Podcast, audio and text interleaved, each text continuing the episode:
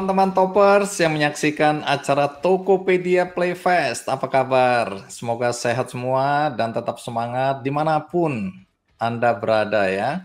Karena dengan semangat baru, kita yakin Indonesia akan mampu bangkit dan menuju Indonesia yang lebih baik. Nah, dalam rangkaian ulang tahun Tokopedia yang ke-11 ini, hari ini kami mengundang dua tokoh perempuan Indonesia dalam acara Leadership Talk Show ini. Siapa dua Sri Kandi Indonesia yang tentu sudah Anda kenal karena kiprah mereka yang luar biasa dalam memimpin, terutama pada masa-masa pandemi COVID-19 ini. Siapa kira-kira mereka ya? Iya, dua perempuan hebat ini adalah Menteri Luar Negeri Retno Marsudi dan Menteri Keuangan Sri Mulyani. Nah, ini Sri Kandi kita yang tangguh ya. Nah, hari ini saya akan mulai ngobrol-ngobrol, berbincang-bincang bersama Ibu Retno Marsudi lebih dulu. Bu Retno, apa kabar? Baik, Alhamdulillah Mas Andi. Sehat ya? Sehat, ya. Saya sehat dan saya berharap Bu Retno harus lebih sehat karena pekerjaannya lebih berat, lebih dibutuhkan oleh bangsa Indonesia. Baik, tapi omong-omong kelihatan langsing nih. Mengubah lifestyle. Tapi sehat ya? Sehat, yang penting sehat, turun berat badan itu bonusnya. Wow, keren. Jadi bagi siapa pun yang menonton, pandemi COVID ini tidak boleh dibuat sebagai alasan untuk berkeluh kesah. Karena kita lihat Bu Retno penampilannya keren hari ini, itu hikmah dari pandemi COVID, walaupun tugasnya berat. Nah, Bu Retno, kita masuk ke pertanyaan pertama nih. Beberapa waktu yang lalu kan Presiden meminta agar semua kementerian tidak bersikap seperti sehari-hari, business as usual. Harus ada terobosan untuk mengatasi dampak yang ditimbulkan akibat COVID ini. Nah, kalau dari kementerian yang Bu Retno pimpin, apa yang dilakukan sebagai terobosan dalam upaya untuk menanggulangi dampak ya COVID-19 ini? Oke, makasih uh, Mas Andi. Jadi begini, uh, sebelum atau begini, ini uh, krisis ini adalah krisis yang luar biasa, unprecedented, yang tentunya cara kita merespon juga pasti tidak bisa business as usual. Nah, kita kasus nomor satu kita kan terjadi di awal Maret. Sejak Januari, uh, Kementerian Luar Negeri, para diplomat sudah mulai bekerja karena kita sudah harus menangani kasus evakuasi warga negara kita yang berada di Wuhan. Wuhan kan kejadiannya kan Januari. Jadi kita menyusun uh, upaya untuk evakuasi dan setiap kali kita harus melakukan evakuasi itu tidak pernah merupakan exercise yang uh, mudah. Jadi kita biasanya terlatih di evakuasi tempat konflik bencana alam.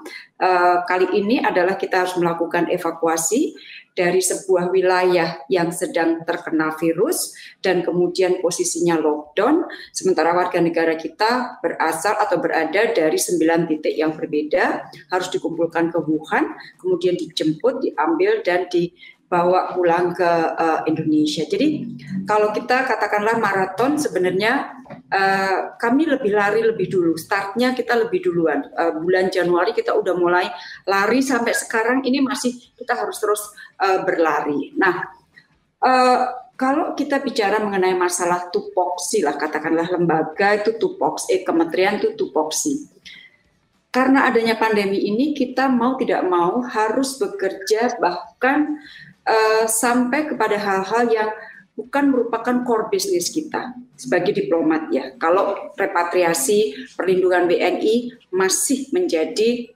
uh, apa namanya core business uh, Kementerian Luar Negeri atau para diplomat. Tapi kita harus uh, kerja diplomasi kita harus dapat membantu menangani pandemi, yang kedua mengatasi dampak sosial ekonominya. Oleh karena itu, selama pandemi ini kita refocusing uh, prioritas menjadi uh, empat. Pertama adalah tetap perlindungan karena banyak sekali jumlah warga negara Indonesia yang berada di luar negeri.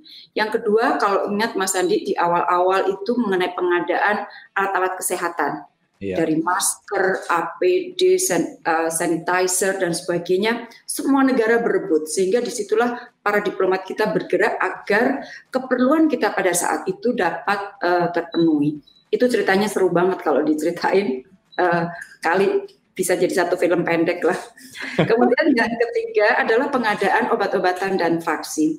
Obat-obatan sudah mulai stabil, tetapi vaksin kita masih bekerja bekerja sama dengan uh, beberapa negara. Sampai sekarang pun saya masih melakukan komunikasi-komunikasi untuk masalah vaksin dan dari sejak awal kita kirim pesan yang kuat ke dunia agar akses terhadap vaksin itu dapat dilakukan oleh semua negara. Jadi kita tidak hanya bicara atas nama Indonesia, tapi juga atas nama negara berkembang lainnya dan bahkan negara least developed countries. Jadi selain vaksin dalam konteks kerjasama dengan pihak asing, kita di Indonesia juga sedang mengembangkan saat ini vaksin nasional kita, vaksin merah putih untuk uh, kemandirian vaksin kita. Dan yang keempat adalah dalam bidang ekonomi kita harus membantu upaya mengatasi dampak ekonominya. Jadi diplomasi ekonomi juga main selama pandemi ini, Mas Adi.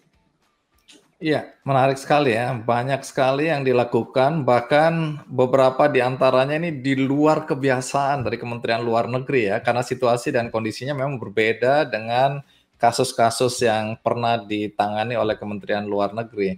Tapi satu hal yang menarik juga, kita sibuk di dalam negeri ini ya, berkaitan dengan upaya untuk membantu sesama tapi kita tahu persis bahwa di luar negeri sana kan WNI atau warga negara Indonesia kan lumayan banyak ini uh, Bu Retno.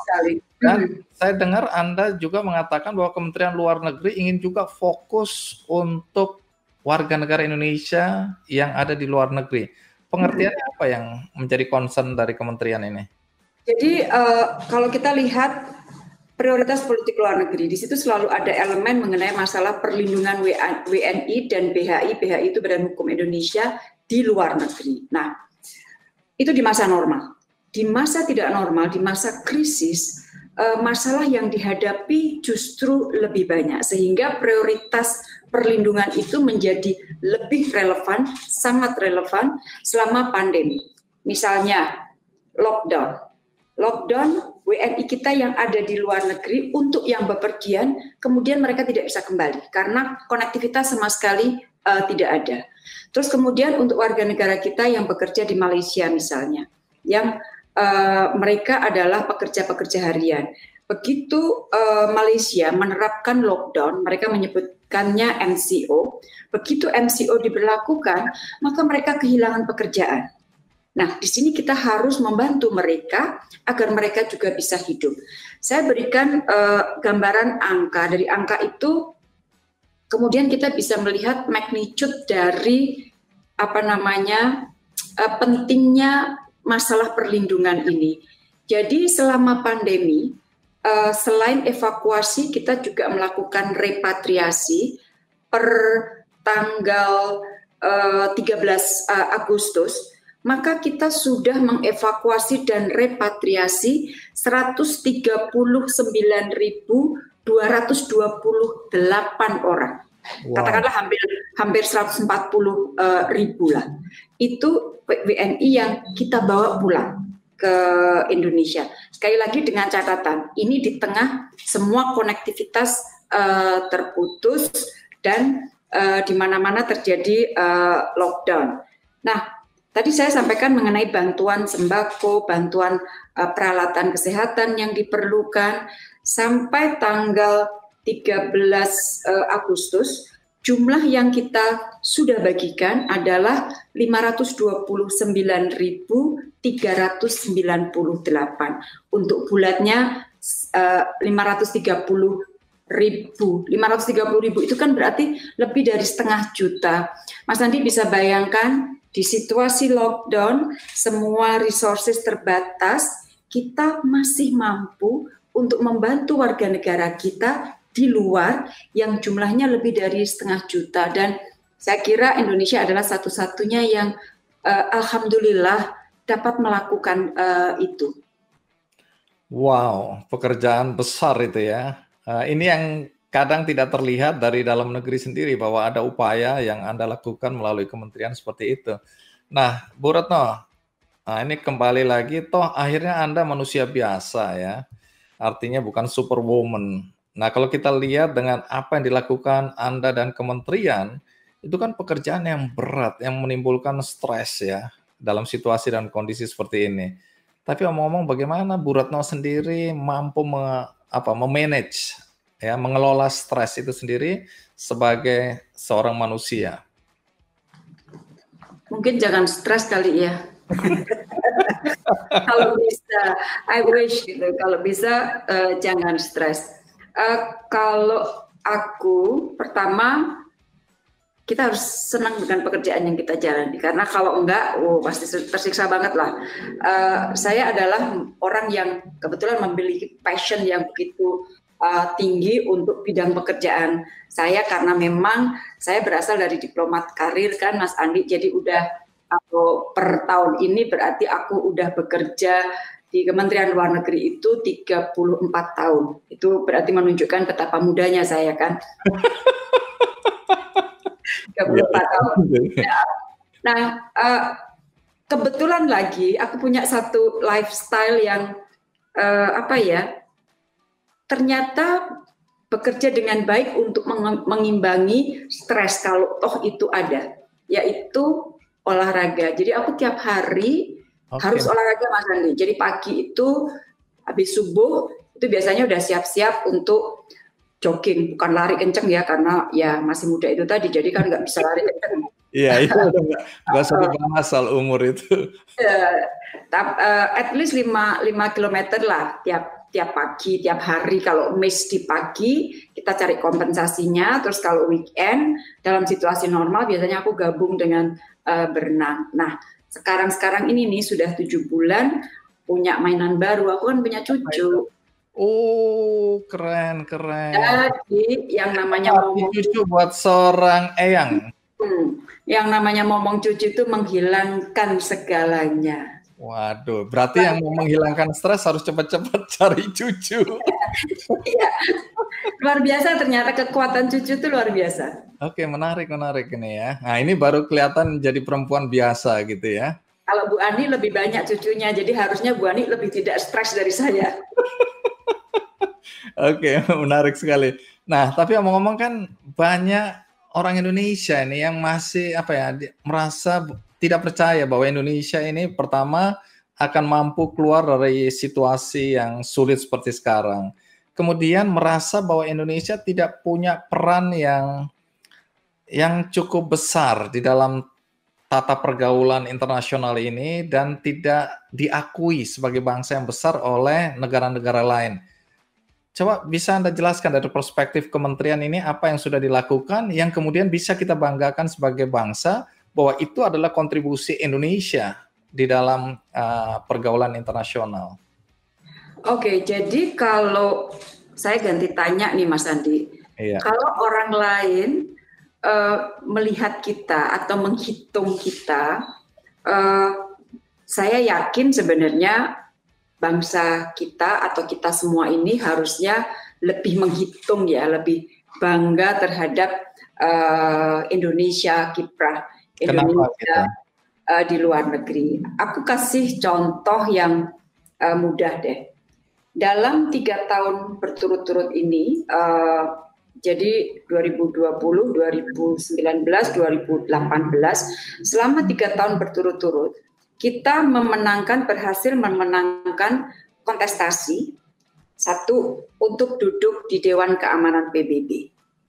Itu merupakan perjuangan yang lumayan banget dan kita akhirnya dapat suara 144 itu suara yang uh, cukup tinggi. Nah, itu kita duduk di Dewan Keamanan 2019-2020. Jadi sekarang ini kita masih duduk di Dewan Keamanan dan di bulan Agustus ini uh, Indonesia kita saya sedang memegang presidensi Dewan Keamanan PBB. Jadi selama Agustus ini banyak kita kalau orang Jawa bilang lek-lekan. Iya, begadang.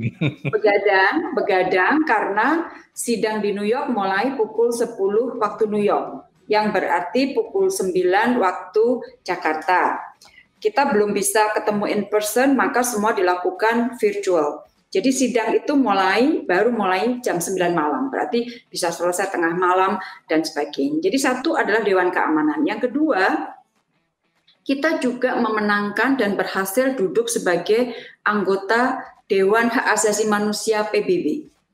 Sekarang kita masih duduk. Yang ketiga, kita baru saja menang dan baru akan mulai duduknya uh, tahun depan. Jadi pemilihannya sekarang tetapi duduk mulai uh, tahun depan yaitu untuk Dewan Ekonomi dan Sosial. Jadi dalam tiga tahun berturut-turut kita memenangkanlah kontestasi untuk duduk di dewan-dewan di bawah uh, naungan uh, PBB dan ini bukan merupakan sesuatu yang uh, kecil. Terus kalau kita bicara mengenai uh, lingkungan kita nih, lingkungan pertama kita ASEAN. ASEAN itu banyak sekali yang memang tentunya bersama-sama. Kita tidak boleh mengklaim bahwa itu hanya hasil kerja Indonesia, tetapi ini hasil kerja ASEAN. Tetapi at least banyak sekali inisiasi yang dilakukan oleh Indonesia. Misalnya, uh, aku nggak tahu teman-teman uh, familiar nggak dengan uh, konsep Indo-Pasifik. Ini adalah konsep baru, konsep kawasan yang baru yang pada saat itu semua orang sudah bicara, ASEAN belum bicara. Di situlah Indonesia mengatakan ASEAN ini berada di tengah-tengah kawasan Indo-Pasifik. Kita harus punya sikap. Kalau negara lain punya sikap, kita harus punya sikap. Oleh karena itu Indonesia mulai ngedraft pertama kali dan akhirnya didukung semuanya. Oleh karena itu kita punya ASEAN memiliki sebuah konsep Indo-Pasifik yang akhirnya bisa diterima oleh negara-negara mitra.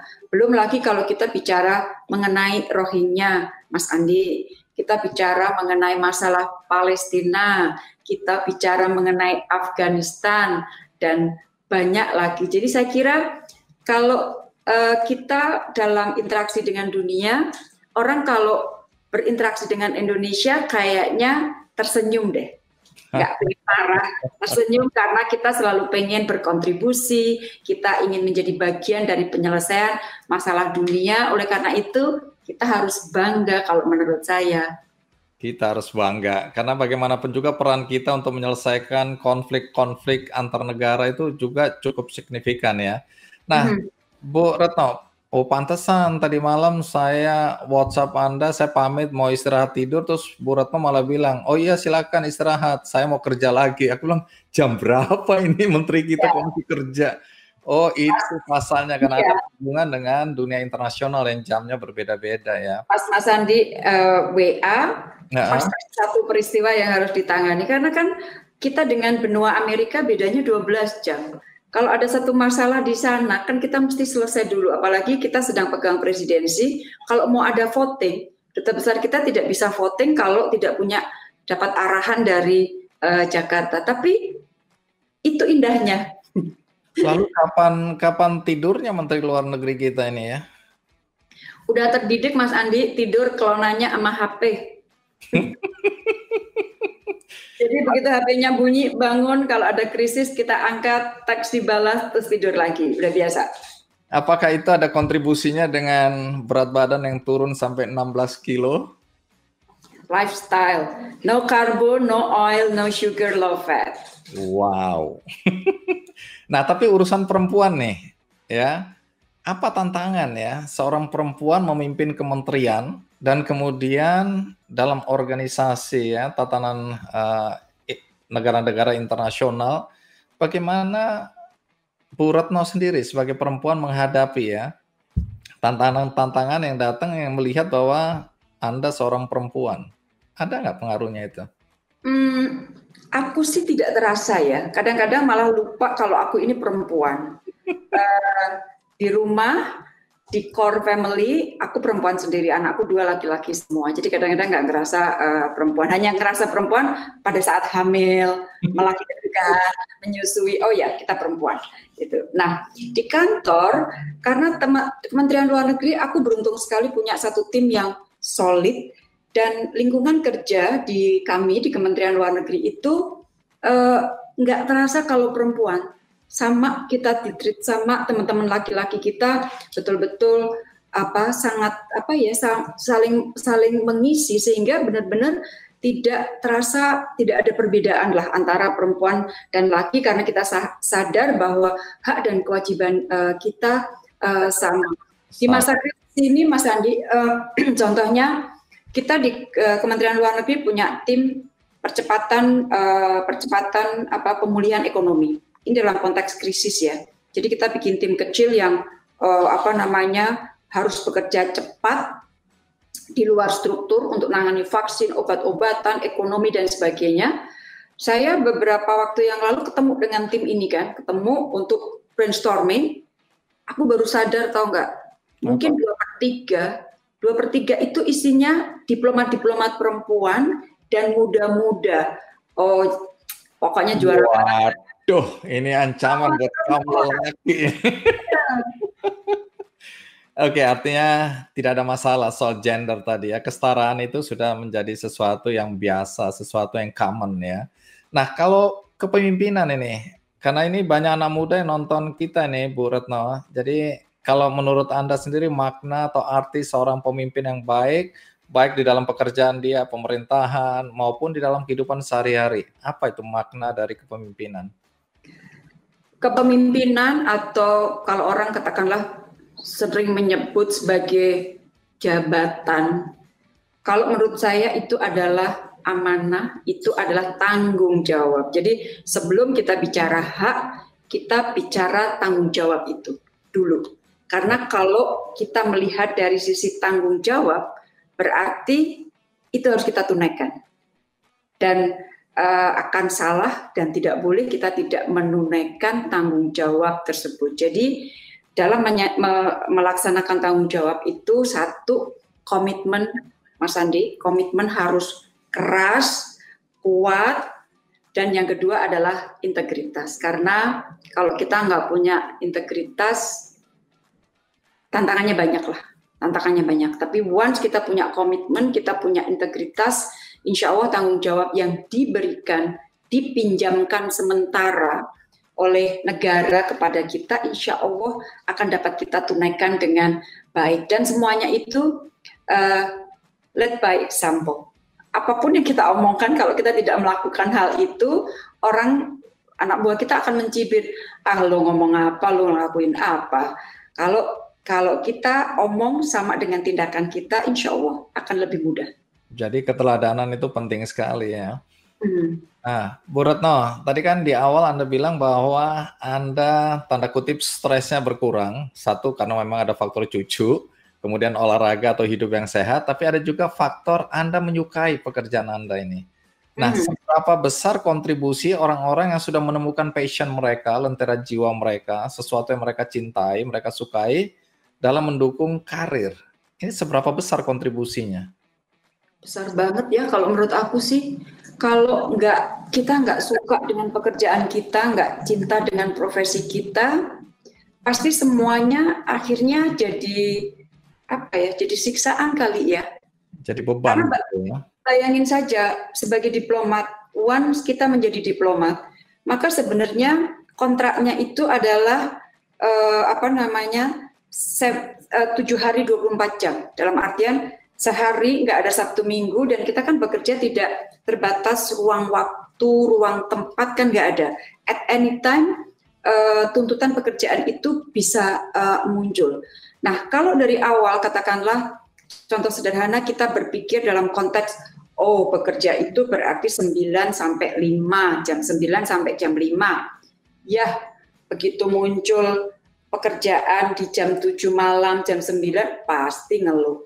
Tapi karena dari awal frame-nya berusaha untuk dibuat uh, bahwa ini adalah pekerjaan yang memang menuntut 24 jam, waktu itu ditawarin kamu mau bekerja seperti itu, kita mau, kebetulan kita suka, komitmennya ada, ya oke okay sih kalau aku menurut aku apalagi waktu anak-anak masih kecil memang tantangannya besar uh, Mas Andi. Kerjaan bawa anak ke sekolah. Wow. kalau di luar negeri kan kecil-kecil ini bawa ke sekolah nyetir sendiri naruh ke sekolah. Wah itu pokoknya hebohnya setengah mati. Tapi karena kita kita cinta keluarga kita cinta pekerjaan hayu aja tuh. Oke, jadi tidak merasa berat ya pekerjaan ini. Menarik sekali karena banyak sekali orang yang merasa bekerja hanya sekedar bekerja, kemudian merasa pekerjaan ini menjenuhkan, ya, menjadi beban dan seterusnya. Tapi kalau Anda jelaskan tadi, sepanjang kita menyukai, kita mencintai pekerjaan kita dan sebagai pemimpin kita mendahulukan tanggung jawab daripada hak, itu bisa seperti Anda ya, sukses uh, menjadi menteri. Nah, tapi ngomong ini ada juga pertanyaan dari 34 menteri di kabinet sekarang, kan cuma lima ini uh, menteri perempuannya. Didengar nggak sih menteri-menteri perempuan ini di dalam kabinet? Ya didengar dong. Oh, didengar dong. Dengar dong. Gimana sih? Uh, uh, kebetulan Pak Presiden Pak Jokowi uh, beliau sangat ini ya, sangat uh, mendengarkan uh, saran dari para menterinya. Beliau tidak melihat itu perempuan atau laki-laki, tapi sesuai dengan bidang pekerjaannya. Jadi kalau sudah menyangkut kebijakan luar negeri, politik luar negeri, diplomasi, pasti beliau uh, melibatkan saya, berdiskusi dengan saya, dan saya memiliki pola uh, laporan kepada presiden yang sangat tertib, Mas Andi. Jadi selama pandemi ini pukul setengah tujuh atau jam tujuh maksimum setengah delapan itu saya sudah mengirim laporan kepada presiden itu mengenai situasi dunia uh, COVID yang ada di dunia. Jadi perkembangan grafiknya seperti apa, kemudian kebijakan-kebijakan negara lain seperti apa, itu sudah masuk ke presiden pagi hari sekitar pukul 7 7.30. Jadi anak buahku ini yang ngelola data itu mungkin nggak tidur, mungkin mungkin harus habis subuhan langsung kerja karena setengah tujuh udah ada di aku, jadi aku pas jogging juga sambil kalau kalau aku pas jogging atau jalan itu lucu kalau suami. Kalau begitu aku udah lihat HP itu terus leherku dipegang sama suamiku. Itu berarti kalau belok kanan dia giniin belok kanan belok kiri. Jadi dia dia tahu nih bininya apa jalan sambil kerja jadi dia pegang leherku aja supaya nggak nabrak nggak apa gitu Okay. Eh, didengar didengar banget, didengar banget. Walaupun dibilang perempuan multitasking, tapi untuk yang ini harus diarahkan juga sama laki-laki. Oke, okay, pertanyaan terakhir karena waktu Anda saya yakin sangat berharga. Ya, ini uh, pesan kepada penonton, terutama kepada anak-anak muda. Walaupun yang nonton juga saya tahu banyak yang tidak muda, tapi ya saya harapkan semangatnya yang muda, ya, agar mereka tetap memiliki pandangan positif dan tetap optimistis ya di tengah kondisi pandemi COVID ini bahwa Indonesia akan mampu melalui masa-masa sulit dalam konteks penanggulangan COVID. Ada sesuatu yang bisa uh, Bu Retno sampaikan? Uh, situasi yang kita hadapi ini bukan situasi yang mudah berat, semua berat. Nggak cuma Indonesia, negara yang paling maju pun menghadapi masalah yang kurang lebih sama, baik dari sisi kesehatan maupun dari dampak uh, sosial uh, ekonominya. Tetapi pertanyaannya, apakah kita akan menyerah? Tentunya tidak. Dan saya sendiri, saya adalah orang yang optimis, dan Indonesia adalah negara yang optimis. Sudah berapa kali kita dicoba oleh berbagai macam tantangan uh, yang tentunya berbeda, tetapi tantangan yang kurang lebih sama beratnya. Tetapi kita uh, apa dapat survive. Oleh karena itu, jangan pernah kendorkan optimisme kita, jangan pernah kendorkan persatuan kita, karena nggak mungkin hanya pemerintah yang dapat menangani uh, krisis ini. Kita bersama-sama sebagai bangsa, dan kalau uh, saya Mas Andi, jangan lupa setiap hari itu menebarkan energi positif karena dengan energi positif itu hidup kita juga baliknya ke kita kita menjadi enak. Dan kalau energi positif ini kita kumpulkan 267 juta uh, manusia penduduk Indonesia saya kira itu akan merupakan sebuah landasan yang bagus. Apalagi ada gotong royong kerja keras. Insya Allah kalau kita bersatu bekerja keras bergotong royong kita akan bisa. Dan anak-anak muda pasti bisa Yes, dan momentumnya tepat sekali nih, 17 Agustus, hari kemerdekaan kita. Baik, Bu Retno, terima kasih. Tapi omong-omong, cucunya nih laki atau perempuan nih? Laki, jadi aku laki semua, anakku dua laki, cucuku wow. laki. Jadi, uh, tapi seneng, seneng banget pokoknya. Ada mainan baru. Ada mainan baru, jadi sambil Namanya siapa Nama cucu? Namanya Manggala Astabrata Marsudi. Wah, oh Marsudi harus ada Marsudi. Jadi sambil ngantongin HP kita gendong cucu. Nanti kalau dia bunyi ya langsung. Asik pokoknya asik. Asik asik. Oke, Bu Retno, terima kasih untuk waktunya yang berharga. Sehat selalu karena negara membutuhkan Anda. Kami semua membutuhkan Anda dan kami berdoa agar siapa pun di pemerintahan ini bisa membawa kami, membawa bangsa kami eh bangsa kami, bangsa kita. Bangsa kita dong ya. Luar dari kondisi sulit ini. Terima kasih, matur sangat. Sehat selalu. Sami-sami saling mendoakan. Pasti kita bisa. Pasti kita bisa. Baik, terima kasih.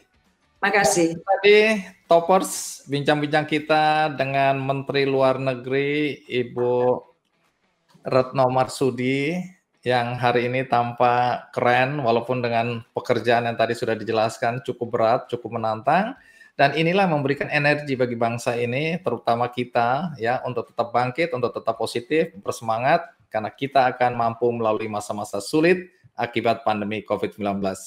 Dan karena saya sudah tadi berjanji bahwa ada dua Sri Kandi yang akan menjadi tamu kita dalam bincang-bincang kali ini, maka segera kita akan menghubungi Ibu Sri Mulyani, Menteri Keuangan Republik Indonesia. Nah, teman-teman, kita sekarang sudah bersama Menteri Keuangan Ibu Sri Mulyani. Ya, jadi ini satu kesempatan yang luar biasa di tengah kesibukannya Menteri Keuangan mau meluangkan waktu untuk kita semua. Jadi saya berharap apa saja yang nanti jadi perbincangan bisa memberikan inspirasi, bisa memberikan motivasi, dan tentu saja pencerahan buat kita semua, kalian dan aku ya. Nah, Bu Sri Mulyani, terima kasih banyak nih sudah bersedia meluangkan waktu di tengah situasi dan kondisi yang saya tahu persis pasti membutuhkan energi yang luar biasa dari seorang Menteri Keuangan. Terima kasih Mas Andi untuk mengundang saya acara hari ini. Semoga bermanfaat untuk semuanya. Oke, matur nuwun pasti bermanfaat. Nah ini berkaitan dengan masih banyak nih pertanyaan, jadi aku akan tetap tanyakan nih ya. Karena banyak yang bilang, Bu Sri Mulyani itu ngapain sih pulang kembali ke tanah air? Dia udah enak-enak di sana ya. Sudah pada posisi yang diimpikan oleh banyak kepala negara atau pimpinan-pimpinan di dunia, yaitu jadi Direktur Pelaksana Bank Dunia. Terus ngapain dia mau pulang? Ah, tolong jelaskan kenapa Anda mau kembali ke tanah air untuk menjabat kembali sebagai Menteri Keuangan? Ya pertama ya Mas Andi, terima kasih. Kalau pertanyaan itu kan seolah-olah jabatan Menteri Keuangan dibandingkan Bank Dunia itu lebih enakan di sana. Tapi kalau orang bekerja itu kan tidak cari enak atau tidak enak gitu ya. Jadi buat saya waktu Presiden Jokowi meminta saya pulang kembali dan menjabat sebagai Menteri Keuangan itu merupakan suatu panggilan, sesuatu yang jabatan yang terhormat dan sekaligus juga tanggung jawab. Uh, apalagi karena saya sudah pernah menjadi Menteri Keuangan, jadi tentu menyadari betul bahwa ini adalah bukan tanggung jawab yang ringan. Kalau di Bank Dunia tentu pekerjaan skopnya uh, sangat berbeda, namun paling tidak kita memiliki perspektif baru sesudah saya bekerja enam tahun di Bank Dunia sebagai uh, eh, COO dan sekaligus Managing Director. Karena kemudian saya bisa melihat banyak negara di dunia, saya mengunjungi mereka, saya bertemu dengan presidennya, perdana menteri, menteri keuangannya. Kita bertukar pikiran, ada negara yang berhasil, ada yang masih perang, ada yang masih uh, struggle dari kondisi uh, ekonominya. Jadi itu memberikan tambahan perspektif ditambah dengan pengalaman saya sebelumnya menjadi Menteri Keuangan. Jadi waktu Pak Jokowi meminta saya untuk bergabung, ini merupakan suatu kehormatan dan sekaligus merupakan tanggung jawab dan tugas. Mungkin kalau personal uh, aspeknya adalah orang tua saya almarhum dua-duanya, mereka pasti sangat senang kalau saya kembali ke Indonesia. Jadi itu adalah suatu panggilan. Luar biasa. Tapi kenapa mereka akan merasa senang kalau anaknya kembali ke Indonesia? orang tua saya mungkin sama seperti orang tuanya Mas Andi kan dibesarkan dalam suasana uh, mereka lahir uh, dalam suasana sebelum kemerdekaan. Beliau-beliau pasti mengikuti perjuangan kemerdekaan Republik Indonesia. Jadi orang tua uh, saya uh, mungkin seperti orang tua zaman-zaman yang lahir pada awal tahun uh, 30-an atau uh, akhir tahun 20-an memiliki semangat menggelora mengenai ide Indonesia merdeka, kedaulatan, kemerdekaan, kebanggaan, nasionalisme itu luar biasa. Jadi buat beliau uh, waktu anaknya jadi Menteri Keuangan pertama dulu juga dia mengatakan, dok kerjamu ke apa toh? Kok uh, pertanyaan almarhumah bapak saya, almarhum bapak saya itu lucu. Dok, aku profesor, gajiku kok luwih sithik karo kalau itu ikut kuis neng TVRI ki sekali ison jawab gampang langsung gajinya luwih gede kita timbangane gaji saya sebagai dosen waktu itu. Uh. Jadi gue kan menteri keuangan, masa ra iso bener kayak gitu. Jadi uh, ya. yang lain mungkin mengatakan ya orang tua kita punya banyak sekali uh, harapan kepada anaknya, apalagi sesudah mereka uh, dianggap memiliki jabatan posisi tanggung jawab yang memiliki pengaruh besar terhadap masyarakat, tentu beliau-beliau mengharapkan uh, saya dalam hal ini bisa ikut memperbaiki uh, kesejahteraan rakyat, keadilan sosial, kualitas sumber daya manusia karena dua orang tua saya adalah dosen, guru besar yang ya. pendidikan. Jadi memang hatinya, perhatiannya selalu kepada masalah sumber daya manusia, kualitas SDM. Jadi nasionalisme pasti mereka senang. Jadi kalau waktu itu saya kerja sebagai eksekutif director IMF sebelum saya menjadi World Bank, mereka juga akan menanyakan kok wong-wong kok podo sengit mbek kowe to ngomongin IMF IMF ngono to. Buat beliau itu merasakan kayak uh, kok sepertinya ada suatu uh, pertanyaan dari masyarakat yang menstigmakan gitu jadi saya cerita kepada beliau-beliau, lembaga-lembaga itu dibentuk oleh siapa, Indonesia termasuk salah satu pemiliknya, misi dari lembaga itu apa, bagaimana tata kelola, supaya di masyarakat jangan terlalu banyak misperception atau stigmatisasi gitu. Ini kan sesuatu yang menurut saya kadang-kadang memang dibuat untuk membuat orang tuh merasa takut terhadap sesuatu konsep, ide yang dianggap ancaman terhadap keamanan dirinya. Jadi bahkan kepada orang tua saya sendiri saya menceritakan mengenai apa itu artinya lembaga seperti itu dibuat, kenapa tujuannya dan kenapa Indonesia menjadi anggotanya gitu. Dan kemudian kebetulan putrinya menjadi salah satu pejabat di sana. Gitu. Iya, menarik ya. Tapi lepas dari dua alasan utama tadi ya, ini kan setelah situasi pandemi COVID-19, itu kan semua orang tahu bahwa pekerjaan sebagai Menteri Keuangan itu berat, bahkan mungkin yang paling berat di antara para menteri ini. Nah, dalam posisi seperti ini, apakah ada terbesit sedikit penyesalan, aduh kenapa pas kondisinya seperti ini aku jadi Menteri Keuangan? Pertama mungkin koreksi, kalau di dalam kabinet tuh nggak ada menteri yang merasa paling berat atau paling penting, karena itu menyalahi konsep sebagai suatu teamwork ya. Jadi kalau kerja, apalagi ngurus negara itu nggak mungkin ada satu yang merasa dia sendiri yang paling hebat, paling penting, dan kalau tanpa dia seluruh negara nggak ada. Itu menurut saya itu konsep seperti itu ilusi ya, dan sangat tidak benar karena mengurus negara apalagi sebesar Indonesia itu semua punya peranan penting, semua punya kontribusi penting, semuanya punya kemampuan untuk memberikan yang terbaik bagi Indonesia. Nah, kalau pertanyaan, waduh ini sekarang kena COVID, kebetulan sih Mas Andi, uh, waktu hmm. saya jadi ekonom, Mas Andi mungkin kenal saya waktu dulu saya jadi ekonom ya, waktu Mas Andi masih masih rambutnya gondrong lah saya kenal. sekarang selalu pakai topi. Uh, itu uh, waktu itu krisis 9798 ya Mas Andi ya. Jadi ya, kita tahu bagaimana Indonesia mengalami kondisi yang sangat parah dari sisi ekonomi yang kemudian menyebabkan krisis sosial, politik, kemudian mengubah seluruh tatanan uh, kenegaraan kita. Uh, kita menjadi reform, era reformasi, demokrasi, keterbukaan, transparansi, kebebasan berpendapat. Itu semuanya adalah buah uh, yang manis dari sebuah krisis yang luar biasa pahit dan sangat menghancurkan ekonomi kita. Nah, kemudian saya menjadi Menteri Keuangan di bawah Pak SBY dan saya uh, menghadapi krisis ekonomi dunia 2008-2009. Waktu itu guncangannya ada di Amerika, menular di Eropa, dan negara-negara maju itu luluh lantak kalau bisa dikatakan. Namun Indonesia terkena apa yang disebut guncangan itu kalau seperti uh, sebuah earthquake uh, atau gempa bumi kita kena uh, ripple-nya uh, namun kita bisa bertahan cukup baik. Namun itu juga merupakan masa-masa yang luar biasa menegangkan dalam kondisi kepanikan global. Nah, sekarang terjadi krisis Covid di mana musuhnya adalah uh, suatu virus yang tidak kelihatan dan mengancam masyarakat, keselamatan, kesehatan masyarakat. Yang menyebabkan kita semuanya bisa dikatakan lumpuh karena tidak boleh berinteraksi secara normal. Sehingga semua kegiatan sosial, keagamaan, pendidikan dan ekonomi semuanya menjadi sangat uh, terkendala.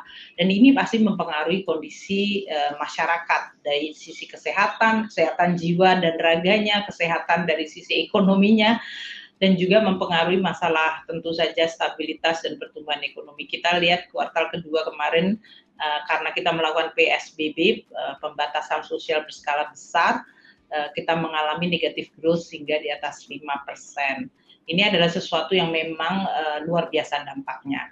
Dan kita sedang menghadapi situasi itu. Jadi kalau pertanyaannya, aduh, uh, kenapa kok saya balik? Sebetulnya nggak pernah uh, terpikirkan sih seperti itu. Karena saya itu termasuk orang yang percaya bahwa kalau meng, sudah uh, apa konsisten me, mengambil suatu tanggung jawab memegang suatu jabatan ya you, anda harus all out gitu ya. Berikan yang semuanya kepada anda. Dan nggak pernah kepikiran dan menyesal aduh kenapa kayak gini ya? Karena kalau kita terbersih seperti itu saja itu pasti mengurangi perasaan dan pikiran dan energi kita jadi kita nggak mau padahal kita tuh energi dan perasaan kita tuh sedang kita uh, awet-awet ya, eman-eman untuk ngadepin uh, tantangan yang luar biasa. Jadi jangan sampai kita distracted atau bahkan dalam hal ini mengurangi fokus dan perasaan kita sendiri dengan rasa-rasa pikiran yang enggak-enggak. Dan sebetulnya secara profesional ini juga tantangan yang justru akan membuat kita makin matang.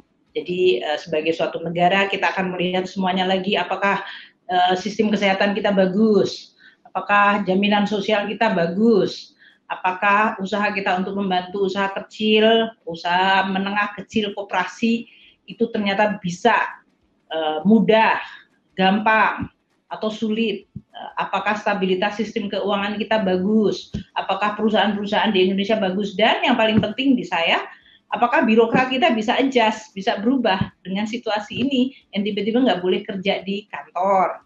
Setiap kali kerja di kantor ada yang tertular, yang kemudian membuat kita harus mengembalikan lagi work from home. Ini semuanya menguji luar biasa seluruh sendi kehidupan kita. Jadi kalau saya lihatnya blessingnya aja, Mas Andi, saya anggap ini adalah pasti kalau ujian ini kita pasti mau naik kelas. Menarik ya. Nah, ini ini yang memberikan kita harapan ya bahwa apa yang terjadi sekarang ini ujian yang membuat kita bisa naik kelas itu statement yang menarik sekali dan bagaimana Anda menjaga juga agar energinya tidak terbuang percuma hanya untuk memikirkan sesuatu yang nggak perlu dipikirkan. Walaupun itu, itu pasti akan akan kita rasakan, tapi kalau kita pikirkan maka ini akan mendowngrade ya emosi kita, energi kita. Nah, ini menarik ini. Artinya bisa Kalau hitungannya cuma untung rugi pribadi, maka Anda nggak jadi pejabat publik. Sedang nggak gitu, jadi nggak jadi pemimpin. Nah, ya, kalau pemimpin lain lagi. Tapi even pejabat publik, kalau Anda pikirannya cuma untuk rugi, saya gaji sini dibanding gaji sana, cuti saya banding cuti sana, pensiun sini, pensiun sana, fasilitas sini, fasilitas sana. Nah kalau kayak gitu ya Anda pasti tidak akan menjadi pejabat publik. Karena kalau yang kayak gitu, itu berarti uh, your self interest ya interest pribadi Anda mendominasi judgement Anda. Padahal kalau Anda menjadi pejabat publik, self interest itu menjadi nomor paling buntut yang Anda pikirkan publik karena itu sumpah Anda, ya kan? Ini menarik ini, kayaknya statement ini bukan untuk penonton kita ini, tapi ya, ya, paham, paham, paham. Itu karena Mas Andi memang pikirannya ke mana-mana itu makanya. Tapi statement itu penting gitu ya, ya karena masih banyak yang hanya melihat. Dalam situasi dan kondisi seperti ini pun banyak yang masih melihat untung rugi tadi. Bahkan minta maaf nih, kalau banyak orang berpikiran ini di tengah upaya pemerintah untuk mengatasi menanggulangi akibat ek ekonominya terutama ya, akibat ekonomi dari pandemi Covid ini, ini semua deg-degan ini. Apakah uh, stimulan-stimulan yang diberikan, kemudian bantuan-bantuan, ini apa sampai atau tidak atau belum apa-apa sudah maaf ada juga orang-orang yang memanfaatkan situasi seperti ini. Tapi saya ya. tahu lah uh, pengawalan pemerintah ini ketat banget ya dari segala aspek dilihat agar tidak bocor ke mana-mana, tidak dimanfaatkan secara salah. Tapi Anda tadi kan menyebut soal pengusaha kecil, ya ini ini saya melihat bahwa kepedulian pemerintah ini luar biasa terhadap UMKM, pengusaha kecil, yang kali ini memang sangat merasakan. Kalau dulu-dulu di krisis-krisis sebelumnya yang gede-gede aja yang merasakan, sekarang ini justru yang bawah. Nah, boleh tahu nggak ini karena di sini banyak sekali penonton yang UMKM ya, anak-anak muda yang meniti karir, berharap karirnya akan cemerlang, tapi was-was karena banyak sekali perusahaan yang tutup atau bahkan mem-PHK karyawan. Nah, untuk usaha kecil menengah ini ya, terutama mikro, apa uh, apa yang dilakukan pemerintah untuk membantu mereka? Ya. Sebetulnya dalam menghadapi uh, pandemi COVID ini, uh, langkah-langkah pemerintah pertama tentu di bidang kesehatan. Makanya waktu itu kita membutuhkan untuk tenaga kesehatan yang paling depan harus mendapatkan alat pelindung diri, kemudian hand sanitizer, pembersih, ventilator untuk rumah sakit. Itu yang menjadi prioritas waktu pemerintah mengalokasikan anggaran untuk itu. Kemudian itu pun masih kita harus menetapkan berapa banyak mereka dapat, bagaimana mendaftarkannya. Makanya kan walaupun ada yang sudah bertugas, uh, mereka mendapatkannya terlambat. Kemudian kita uh, insting kedua adalah melindungi masyarakat. Karena masyarakat tiba-tiba mereka tidak bekerja, pasti ada perusahaan yang kemudian uh, mengalami kesulitan, bisa merumahkan, bisa mem-PHK, dan masyarakat yang biasanya bisa kerja di sektor informal nggak bisa karena orang nggak boleh keluar rumah gitu.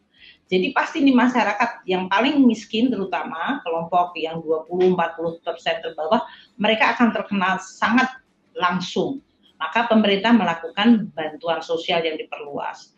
10 juta pertama diberikan semua bantuan uh, yang masuk program keluarga harapan kita sudah memberikan dan itu sudah ada nama, sudah ada alamat, sudah ada akunnya.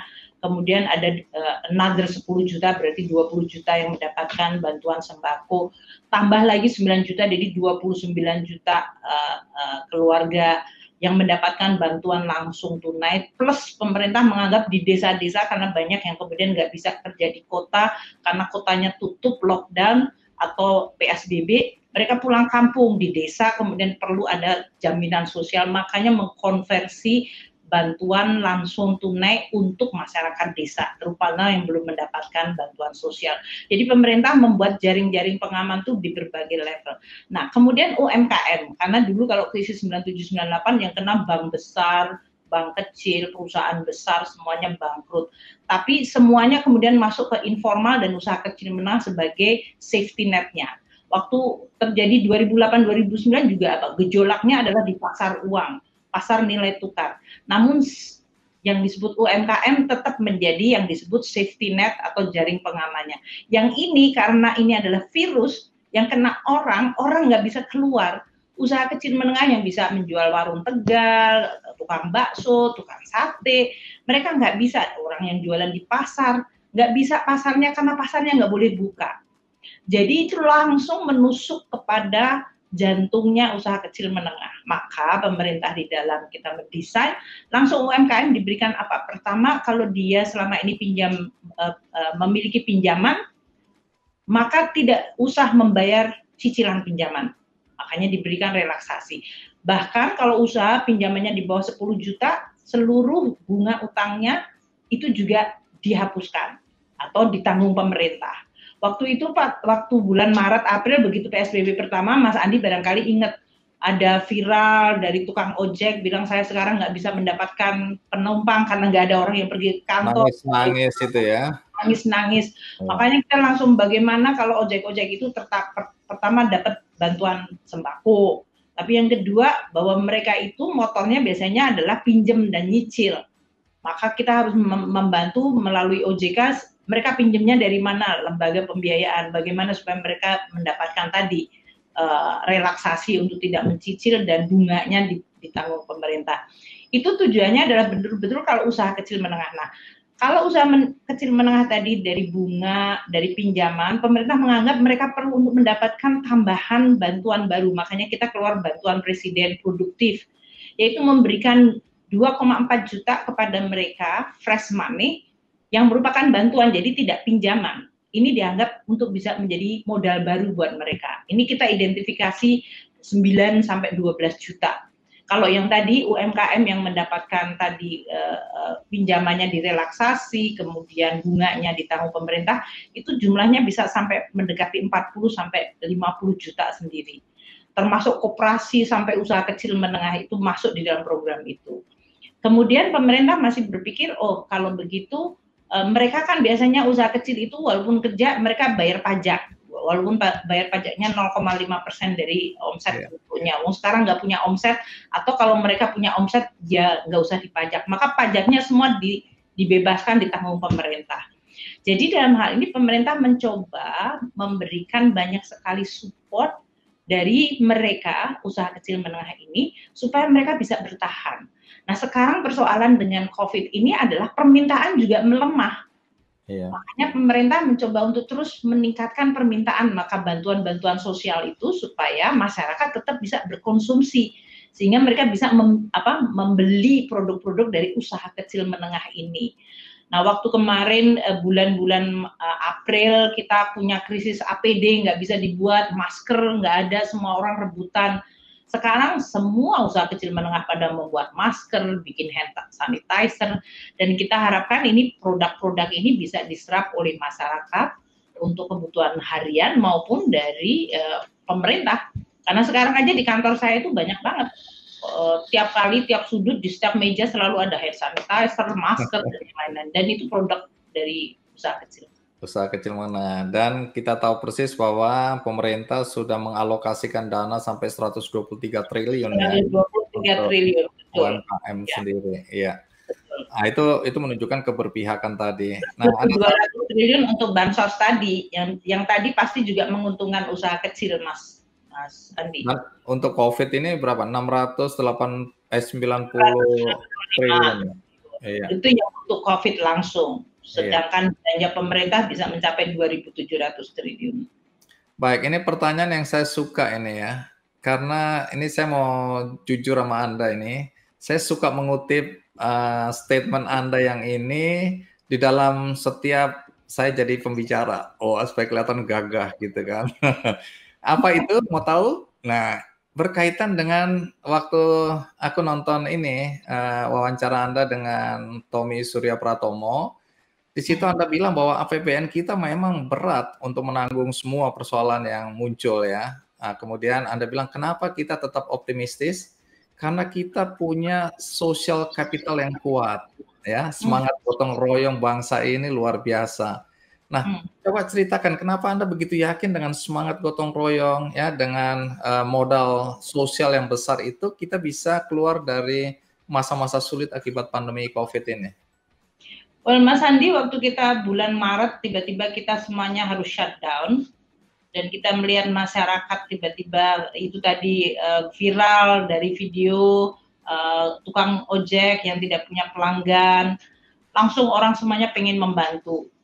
Uh, waktu orang tahu bahwa banyak masyarakat mungkin tidak mendapatkan uh, pendapatan sebelum pemerintah memberikan bansos yang diperluas itu, orang-orang langsung meletakkan di uh, pagernya, ambil seperlunya, entah itu super mie, entah atau apa mie uh, instant atau kebutuhan yang lain. Dan saya tahu banyak volunteer di teman-teman uh, saya di UI ada yang membuat volunteer ngumpulin dana dari mereka-mereka. Kemudian dia membeli dari warung Tegal yang sekarang dia tidak punya klien karena nggak ada yang pergi ke kantor. Jadi cerita-cerita potongan-potongan dan saya yakin banyak sekali para pahlawan yang heroik seperti itu dilakukan. Mereka mungkin nggak masuk viral mereka nggak masuk ke medsos mereka nggak diliput TV tapi jiwa kemanusiaannya itu muncul. Dan saya Mas Andi karena saya kerja di luar negeri itu atau pernah hidup di luar negeri itu 12 tahun ya. Jadi saya tahu setiap kali saya mereka itu tahu where are you from Indonesia dan happen kalau mereka pernah pergi ke Indonesia the first yang mereka selalu bilang adalah Indonesia is always nice people. Yang di dalam otak mereka impresi mengenai orang Indonesia itu adalah elemen nice-nya itu, yaitu orang baik itu muncul. Dan saya yakin itu karena memang di dalam society kita masyarakat kita itu memang kita itu memiliki keharmonian keharmonisan ya karena kita itu begitu banyak beragam dan kita mungkin pernah hidup susah di dalam kemerdekaan kita juga bersama-sama solider gitu ya jiwa kegotong royongan yang muncul kalau dulu saya masa kecil setiap keluarga satu minggu bersihin selokan sama-sama. Kalau sekarang barangkali kalau anak-anak muda melakukan crowdfunding, tapi itu selalu ada. Jadi mereka tahu bahwa di dalam keluarga masing-masing itu mereka nggak hidup sebagai dirinya sendiri satu keluarga eksklusif. Mungkin kalau ada yang kayak gitu di medsos itu pasti outlier dan itu ya salah asuh aja. Tapi mayoritas orang-orang kita itu orang baik gitu jadi saya menganggap social capital karena saya pernah tinggal di luar negeri itu wow. Kalau saya lihat hari lagi winter orang pada keluar ada homeless yang dia itu bisa saja meninggal cuma di karton. Padahal itu di negara yang begitu kaya dan uh, it's kind of uh, quite touching buat kita melihat bahwa ternyata di Indonesia ya walaupun bagaimana kita melihat masyarakat kita memiliki social capital. Dan gotong royong itu kan Presiden Soekarno aja menyampaikan gotong royong dalam pidato politiknya luar biasa. Itu muncul pada saat kelahiran Republik Indonesia. Saya saya saya yakin ya Presiden Soekarno atau waktu itu pendiri bangsa seperti Soekarno itu menangkap dalam suasana masyarakat kita itu. Sehingga muncullah oh bahwa ini gotong royong itu adalah suatu capital dari masyarakat kita yang luar biasa penting. Jadi uh, kita tugasnya memelihara dan terus menjaga dan menyuburkan Mas Andi menurut saya. Okay, itu jadi... harganya priceless. Kalau saya Menteri Keuangan kan suka segala sesuatu diuangkan. Uh, ini belanja kita 2.700 triliun, neraca pembayaran kita berapa triliun, berapa. Yang ini priceless. Kalau ini priceless it's sesuatu yang harus kita jaga luar biasa. Jadi paling tidak hari ini saya mendapatkan penjelasan lebih lengkap ya karena saya selalu mengutip saya selalu bilang bahwa Sri Mulyani sendiri merasa bahwa kenapa kita sebagai bangsa akan mampu melalui masa-masa sulit karena kita punya yang namanya capital social atau social capital tadi. Jadi semangat gotong royong itu yang membuat kita menjadi optimistis sebagai bangsa. Nah, itu yeah. saya selalu sampaikan di dalam setiap kali kalau apa pun pembicaraan kita karena ini kan konteksnya selalu adalah bagaimana situasi dan kondisi seperti ini kita bisa kemudian uh, bangkit sebagai bangsa. Saya bilang, "Loh, Menteri Keuangan aja bilang begitu." Nah, ini minta maaf sekarang baru ngaku bahwa saya mengutip-ngutip nama Anda karena itu saya yakini juga sih. Di benihbaik.com misalnya, kita dalam konteks uh, COVID-19 ini aja dalam waktu cuma dua bulan bisa mengumpulkan sampai 50 miliar dan ini hmm. menunjukkan betapa masyarakat kita tuh memang layak untuk mendapatkan apa ya uh, penghargaan sebagai masyarakat yang paling dermawan di dunia kan ya. Nah, kembali ke soal uh, COVID ini, kalau ada atau masih ada masyarakat yang was-was dan cemas, apakah kita akan mampu melalui masa-masa sulit akibat pandemi ini? Apa uh, penjelasan Anda? Kalau saya ya mungkin sudah cukup lama sekarang merasakan asam garamnya hidup gitu ya. Itu prinsipnya satu saja. Dulu orang tua saya juga bilang, kalau kita sedang turun kita pasti tahu pada suatu saat akan naik lagi. Jadi things itu nggak pernah statis pada suatu titik atau suatu situasi gitu. Kalau kita sekarang lagi merasakan berat uh, dan kita nganggap ini adalah the lowest point in our life, oh bagus. Karena berarti kalau itu lowest the only thing is upside gitu kan. Jadi itu optimism itu adalah sesuatu yang harus kalau kita lagi senang-senang atau kita lagi baik justru kita harus waspada. Oh ini when is gonna be last? Gimana itu ini yang membuat sikap hidup kita merasa bahwa kalau dalam suasana lagi baik kita harus berpikir dua langkah ke depan oh siap-siap kalau seandainya tidak terus baik. Tapi kalau kita lagi benar-benar lagi tidak baik atau lagi menghadapi cobaan atau tantangan atau ujian, kita tahu bahwa ini pasti akan over atau selesai dan kita harus punya ambisi untuk jadi pemenang di dalam menangani masalah hidup itu. Kalau kita bilang lulus, pemenang itu nggak selalu ada nilainya almost 100 atau pontennya A gitu, nggak juga. Itu adalah kita merasa bahwa kita melakukan yang terbaik dalam circumstances atau dalam situasi yang kita hadapi. Terbaik itu artinya apa?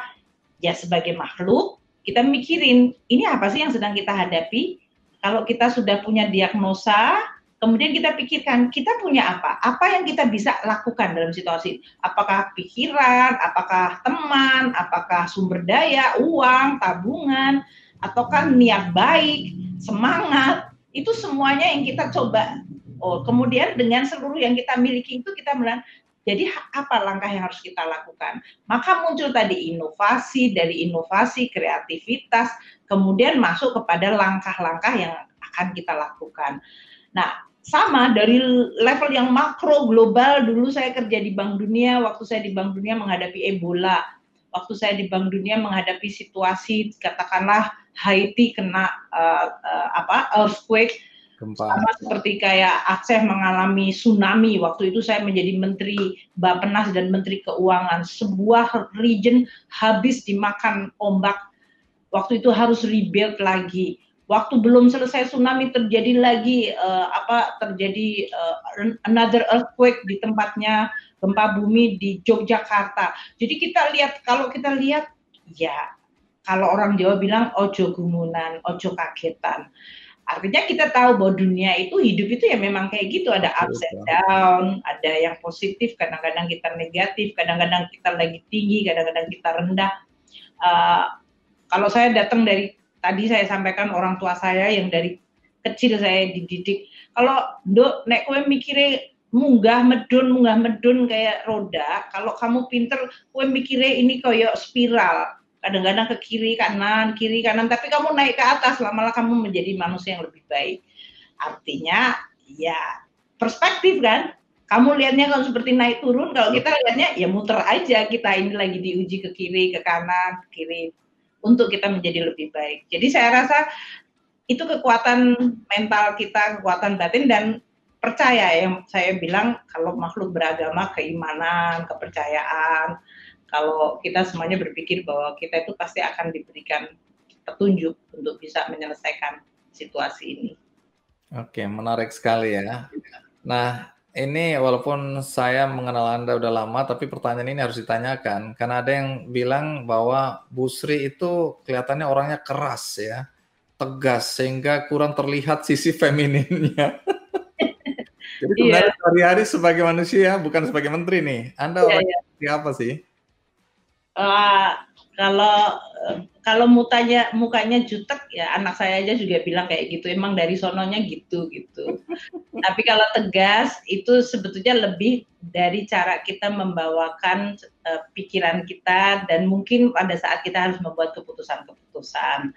Nah karena kita mungkin sering dihadapkan pada situasi di mana keputusan itu harus diambil dan kita tahu keputusan itu selalu semua ada risikonya, nggak semuanya itu selalu optimal, yang paling bagus. Bahkan saya sering kalau sebagai dosen, Mas Andi cerita kepada murid-murid saya, kamu mungkin kalau di kelas mikir, oh kita bikin uh, diagnosa, terus solusi, solusinya ini yang first best, ini adalah opsi paling bagus, atau second best, oh nomor dua terbagus, atau third best di dalam realitas sering kita menghadapi your choice is the worst and least worst gitu. Okay. Jadi dalam situasi kita ngadepin situasi yang tidak optimal, ideal dan kita harus tetap terpanggil harus melaksanakan tanggung jawab, ya kita harus mengambil keputusan. Nah, karena kita harus mengambil keputusan yang kadang-kadang sulit sekali ini, kan kita harus kelihatannya tegar. Nah, ketegaran itu yang kemudian jadi kelihatannya kayak saya itu keras. Keras. Ya. Karena sebetulnya untuk menguatkan hati saya sendiri bahwa Bismillah ini adalah yang terbaik yang kita bisa ambil dalam situasi ini dan kita kerjakan dan kita nggak boleh kelihatan gentar, takut karena kalau saya gentar ya anak buah saya lebih gentar lagi gitu kan. Kalau saya takut mereka lebih terbirit-birit lagi. Jadi you have to way. Jadi itu barangkali yang, tapi kalau sisi feminin kayaknya saya feminin banget deh. Rambut saya sekarang panjang, saya pakai rok, saya selalu pakai baju batik. Saya di Amerika itu selalu dibilang, oh Sri Mulyani, you always show the Indonesian batik. They always love my itu feminisme. Kayaknya saya feminin banget deh Mas Andi. Iya, kalau saya tahu. Nah, ingat nggak waktu di acara apa lupa aku yang kemudian aku bilang, eh aku mau kasih tenun dari uh, Banten itu loh. Terus hmm. kan otomatis Anda bilang, "Wah, aku senang sekali sini sini. Aku pakai, aku kebetulan mau ke Amerika. Nanti aku tunjukkan bahwa ini adalah hasil karya." Nah, itu kan hmm. sisi femininnya yang muncul. Iya, dan saya pakai betul itu dari showing itu the way kepada ya masyarakat. Pada manusia kan setiap manusia itu diciptakan unik ada identitas. Kalau kita identitas saya perempuan, saya Indonesia, saya mungkin dalam hal ini Jawa. Jadi tapi saya sekolah di Amerika, saya sekolah di Jakarta. Jadi itu semuanya menjadi suatu blending. Jadi um, kita bangga terhadap apa yang uh, kita miliki, tapi bangga itu tidak berarti sombong gitu. Bangga bahwa ya identitas, you have identity, that's karakter yang kita miliki sebetulnya. Nah ini menarik konteksnya dengan anda ini kan berkali-kali dapat penghargaan ya kelas dunia bahkan ya sebagai Menteri Keuangan terbaik berkali-kali sebagai salah satu dari 100 perempuan paling berpengaruh di dunia dan banyak lagi penghargaan. Tapi apa arti penghargaan ini semua bagi seorang Sri Mulyani ya? Ya pertama kita kerja tidak untuk cari penghargaan itu for sure dan kita nggak pernah oh aku ikut sayembara untuk jadi menteri terbaik kan nggak juga gitu ya. Jadi artinya buat kita kita kerja fokus ini tantangan atau tanggung jawab kita tuh apa. Dan waktu kita deliver, artinya kita sudah mengerjakan, terus direcognize sama orang lain gitu, dilihat orang lain direcognize. Uh, itu konfirmasi aja. Jadi menurut saya kalau ada penghargaan itu konfirmasi, oh then you are doing at least right thing Sesuatu. for time being ya. Ya, artinya itu memberikan semacam signal pada kita, then you are doing the right thing uh, berarti kamu tetap harus steady dan fokus terhadap itu gitu. Nggak kemudian ke mana-mana. Karena menurut saya yang kita kerjakan uh, sebagai Menteri Keuangan uh, memimpin Kementerian Keuangan itu kan ada hal-hal indikator-indikator kalau istilahnya gitu. Indikator yang relatif bisa dikompar dengan negara lain. Jadi yang nggak mengada-ada gitu. Kalau kita masuk dalam lomba yang tidak ada indikator kayak gitu ya kan beda lagi. Kalau ini kan jelas jadi oh ya kita tahu bahwa kalau ngurusin keuangan negara, ekonomi berarti ini indikator yang dianggap baik. Ya kita fokus kepada hal itu aja. Terus kita gunakan kebijakan, instrumen untuk mencapai hal yang baik itu. Mungkin itu aja. Jadi saya rasa penghargaan itu menjadi salah satu uh, konfirmasi bahwa apa yang kita lakukan sudah sesuai dengan arah ya. yang benar ya. Ya. Oke. Okay. Nah, ini masih ada dua pertanyaan boleh ya di tengah waktu yang sempit Nah, ini kan berkaitan dengan uh, Agustus lalu ini. Anda kan posting sesuatu yang menurut saya istimewa sekali ya.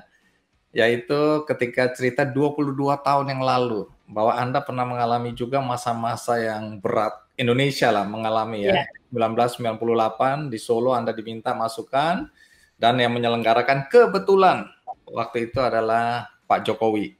Nah, Anda hanya menceritakan bahwa dulu itu dolar eh, rupiah kita juga terpuruk bahkan dari 2350 per dolar Amerika rupiah kemudian terjun bebas menjadi 16.000 per dolar.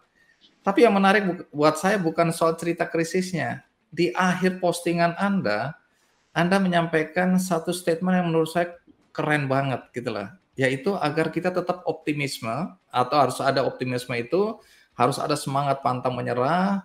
Tapi sebenarnya apa persisnya yang ingin Anda sampaikan melalui postingan itu? Ya. Itu kan momennya waktu itu muncul viral ya, oh jejak digital eh, SMI ternyata pernah ketemu Pak Jokowi 22 eh, tahun yang lalu. Itu dari orang yang menjadi panitia. Terus waktu itu saya eh, saya sudah dapat beberapa forwardnya dari berita itu gitu tapi saya nggak komen oh kalau kelihatan muka saya iya sih kayaknya iya itu bener saya gitu Uh, kalau Pak Jokowi, wah waktu itu Pak Jokowi wajahnya mungkin ya seperti Pak Jokowi tahun 22 tahun yang lalu. Gitu. Iya. Terus saat saya di istana, saya tanya Bapak Pak, Bapak Presiden, Pak, Bapak ingat nggak Pak itu 22 tahun yang lalu Bapak? Iya ingat gitu. Oh, jadi waktu itu memang terus kita ngomongin tentang krisis waktu itu Bapak Presiden. Tapi ya. ini karena tadi bicara tentang audiensnya UMKM ya. Iya. Cerita yeah. itu sebetulnya core-nya adalah kepada tadi, tadi yang disebut harapan dan cara kita bersikap Presiden Jokowi itu cerita waktu krisis 9798 nggak ada orang yang bilang waktu krisis itu situasinya menyenangkan. Waduh itu 9798 tuh betul-betul jungkir balik eh, Pak Mas Andi tahu betul lah. Yeah.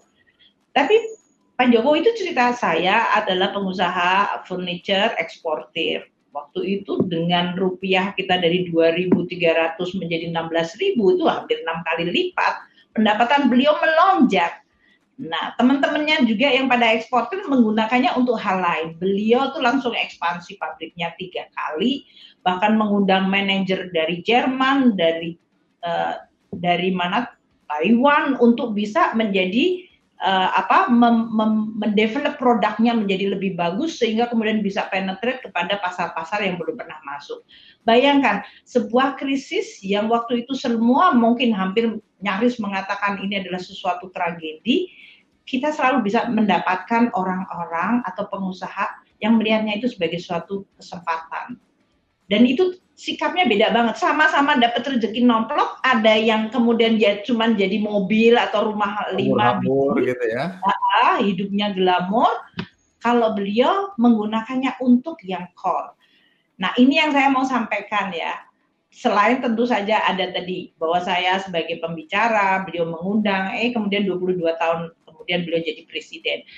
Yang saya sampaikan, 22 tahun can change your life totally. Jadi seseorang kita nggak pernah tahu, ada yang tadinya adalah pengusaha furniture yang kena berkah karena krisis dan kemudian menjadi presiden Republik Indonesia atau saya yang lulusan UI yang baru pulang dari PhD, eh, saya lagi ada di dalam uh, posisi untuk menjadi pengajar dan ketua lembaga penelitian dikenain krisis ekonomi yang luar biasa yang membuat saya dipaksa untuk menggunakan semua ilmu dan knowledge yang saya miliki untuk memahami ini Indonesia kenapa gitu dan dipaksa juga karena di Indonesia banyak yang pengen tahu kenapa ini krisis terjadi gitu. Nah itu mentrain saya banyak sekali karena saya terlatih untuk kemudian menggunakan knowledge-nya, ilmu, data dan yang lain-lain sehingga makin bisa memahami. Nah ini perjalanan karir saya dari mulai tadi lulus sekolah, terus ada krisis di depan mata, kemudian saya ikut terlibat di dalam public policy, sampai saya menjadi bisa menjadi pejabat di Indonesia dan di luar negeri itu semuanya adalah suatu perjalanan dengan sikap tadi, sikap yang selalu fokus, ingin memberikan yang terbaik yang kita bisa berikan dan it's actually not about yourself gitu. Yeah. It's always about somebody else gitu. Itu kan Pak Jokowi kan juga mikirin begitu ada berkah nggak mikirin tentang diri sendiri tapi gimana mempunyai gagasan lebih besar. Judul seminarnya kalau nggak salah menyelamatkan Titanic ekonomi Indonesia something like that. Masih ingat. Jadi artinya uh, kalau kita lihat itu uh, beliau kan bisa saja wah dengan dana iya, yang lebih banyak you can just enjoy yourself. Tapi membuat tapi seminar mengundang untuk kemudian mengedukasi. Saya rasa itu itu karakter seperti itu yang menggambarkan. Kalau anda itu sudah selesai dengan diri anda sendiri maka seluruh otak hati anda bisa dicurahkan untuk apa yang anda want to create gitu. Apa yang ingin anda ciptakan. Termasuk yang diciptakan untuk memberi manfaat pada orang lain atau memberikan kepada yang lain. Atau kalau Anda seniman, Anda memberikan keindahan, karya seni. Kalau Anda UMKM, Anda bisa membuat inovasi, kreasi, dan terus saja keuletan itu dan fokus itu pada saat Anda tidak struggle dengan diri Anda sendiri tadi yang saya bilang. Makanya jangan pernah berpikir yang sempit, karena kalau Anda pikirannya sempit, ya otaknya menjadi sempit, hatinya sempit, sikapnya jadi sempit gitu. Kalau Anda otaknya terbuka, mindset Anda tuh terbuka, hati Anda lebar, maka Anda akan lihat semua jadi kelihatan. Oh, landscape-nya jadi gede banget. Anda bisa lihat choices atau pilihan-pilihan itu. Wow, keren, keren, keren. Jadi itu isi pesan ya dari postingan Anda tanggal berapa itu Agustus itu ya? Iya 13 Agustus saya mau posting 14 tapi 14 ada pidato Bapak Presiden kan nggak boleh. Oh, iya. Jadi saya postingnya sehari sebelumnya. Iya iya 13 Agustus. Kebetulan message-nya cocok banget. Cocok. Karena cocok. memang ini Agustus menganggap, juga nih. Agustus iya, juga jadi cocok. Iya Agustus juga waktu itu. Jadi memang pesannya cocok sesuai. Ah, saya nganggap itu adalah suatu pesan yang saya ingin share dengan semua yang suka mengikuti sosial media saya ya saya anggap oh ini ini kayaknya bagus nih. Itu saya pikirkan, saya rasakan dan saya ingin share dengan semuanya dan uh, ternyata ya responsnya banyak sekali. Padahal saya pertanyaannya sangat sangat simple 22 tahun yang lalu throwback seperti ini. So the next 22 years Anda bisa menjadi siapa saja. Seorang presiden eh, seorang Pak Jokowi bisa jadi presiden, Sri Mulyani menjadi menteri keuangan and then you can become anything gitu. Asal Anda nggak punya limitasi terhadap impian, cara berpikir selama Anda kerja keras, lalu belajar terus, kemudian jujur, dan jangan lupa berdoa. Saya makhluk religius. Oh iya, ada kalimat jangan lupa berdoa. Ya, karena saya yakin banget nasib orang itu memang sudah ada garisnya, tapi itu tidak berarti bahwa kita nggak boleh tidak berusaha gitu. Ya, ada yang menulis, ada yang sudah dituliskan, namun kita kalau berusaha, you will achieve that level dengan perasaan, hmm, uh, saya sudah melakukan yang bisa saya lakukan dan saya merasa itu yang terbaik yang saya berikan. Itu rasanya yang paling penting menurut saya. Menarik. Jadi jangan ada litimasi ya dalam kita bermimpi bercita-cita karena ini yang suka disitir juga oleh William Tanuwijaya pendiri Tokopedia. Dia selalu ya. bilang, Bung Karno bilang bermimpilah setinggi langit sehingga kalau engkau jatuh, engkau jatuh di antara bintang-bintang tinggi. Dulu saya joknya kayak gitu juga Mas Andi. Waktu saya masih SMA kan kita selalu tanya cita-cita, hobi oh. gitu kan. Terus ya, kalau orang tua saya kan juga bercandanya gitu kalau sama kita.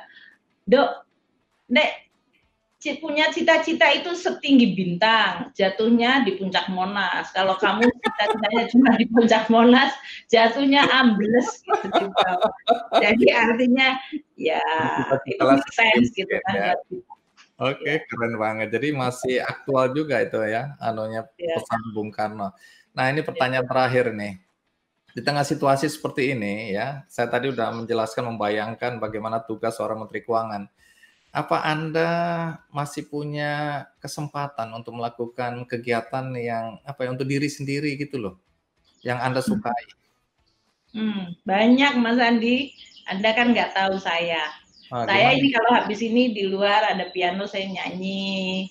Wow. Uh, nyanyi sendiri lagu apa saja lagu tanah air ku Indonesia atau lagu Didi Kempot gitu Banyulangi gitu atau Artinya saya just want to express kan kadang-kadang kan kalau lagi wawancara kayak gini kan kita menggunakan semua energi kita untuk mikir jawab gitu dan supaya Mas Andi seneng saya harus senyum gitu. Tapi habis itu kan saya harus wah saya kepingin relax gitu. Jadi saya saya bisa main gitar saya main piano semuanya basic tapi enough untuk entertain myself gitu. Okay cukup Menarik. untuk me menghibur diri saya sendiri. Saya suka mewarnai gambar, saya suka melukis atau saya baca buku. Saya senang baca buku dan hari-hari seperti ini saya kadang-kadang baca short story, kadang-kadang saya baca uh, apa buku agama karena kadang-kadang we just tired ya. Muatkan ya. Baca buku agama, kemudian ya nonton nonton film aja. Kita nggak pengen nonton berita, tapi kita nonton film aja. Karena kita nggak bisa lihat di bioskop lagi. Jadi ya sudah kita nonton sambil dengerin musik, lagu-lagu. Volumenya digedein terus nyanyi di di kamar mandi yang keras banget. Tuh, jadi tidak ada alasan untuk kita kemudian merasa stres, depresi ya menghadapi situasi karena di tengah situasi seperti ini, lihat Menteri Keuangan aja punya kegiatan untuk melepas ya perasaan. Enggak, tapi kalau ketakutan, rasa capek, bahkan uh, ya ketakutan, stres itu selalu ada, Mas Andi. Bohong iya, kalau mengatakan iya, saya tidak pernah stres, enggak. Bahkan kalau mengatakan saya a little bit depressed, ya iyalah lo kayak gitu. Tapi the question is pertanyaannya bukan apakah anda pernah merasa stres atau depresi apa tapi pada saat anda merasakan itu apa yang anda lakukan untuk bisa recharge lagi okay. jadi ya siapa aja mau anda menteri mau pengusaha mau ibu rumah tangga mau pelajar mau mahasiswa semua pasti mengalami stres, depres uh, dalam titik-titik tertentu. Tapi how you are coping with that gitu. Jadi Anda melakukan apa gitu. Kalau ada orang yang begitu kayak gitu langsung tenggelam dalam stresnya itu ada yang bisa berenang dan naik lebih tinggi lagi. Kalau saya sih ya kita coba terus lah. yoga termasuk yang sangat membantu saya. Wow, yoga yoga keren. Oke, Menteri kita memang saat ini keren banget ya. Nah, terakhir, closing statement untuk membesarkan hati kami semua, aku ya, ah, pengusaha-pengusaha kecil atau pengusaha besar juga boleh, siapa pun anak-anak muda yang sekarang sebenarnya lagi semangat-semangatnya untuk meniti karir terus ketakutan. Coba sampaikan sesuatu yang memberikan kami uh, perasaan semangat, ya berpikir positif dan optimistis. Ya, kalau saya bisa sampaikan Anda tidak sendirian. Kalau Anda merasa bahwa situasi berat, Anda tidak sendirian. Semua merasakan berat. Jadi ini ujian buat semuanya. Yang kedua, yakin bahwa ini ada, akan berlalu. Jadi tinggal pertanyaannya, Anda sesudah ini berlalu ada di mana? Dalam posisi apa? Anda akan bisa mengatakan, oh, aku sudah melakukan yang terbaik dan saya puas dengan usaha saya. Itu menurut saya Anda lulus, Anda menjadi pemenang. Jadi dalam hal ini dan yang ketiga ya cari teman lah. Kalau Anda tidak bisa membahas sendiri, cari teman. Cari informasi yang baik. Jangan terlalu banyak membuka website atau informasi yang membuat Bukan. pikiran Anda lelah dan drain gitu. Fokus aja ke pengen yang Anda mau lakukan, itu akan lebih baik untuk Anda dan untuk keluarga Anda juga. Karena dalam hal, dalam hal ini kita itu sekarang sedang sering harus di rumah, sering lebih ketemu sama keluarga. Dulu kita kepengen banget ketemu keluarga, tapi banyak yang sudah ketemu keluarga banyak malah jadi abusive kan nggak bagus juga. Jadi uh, jaga uh, hubungan dan jaga uh, stamina.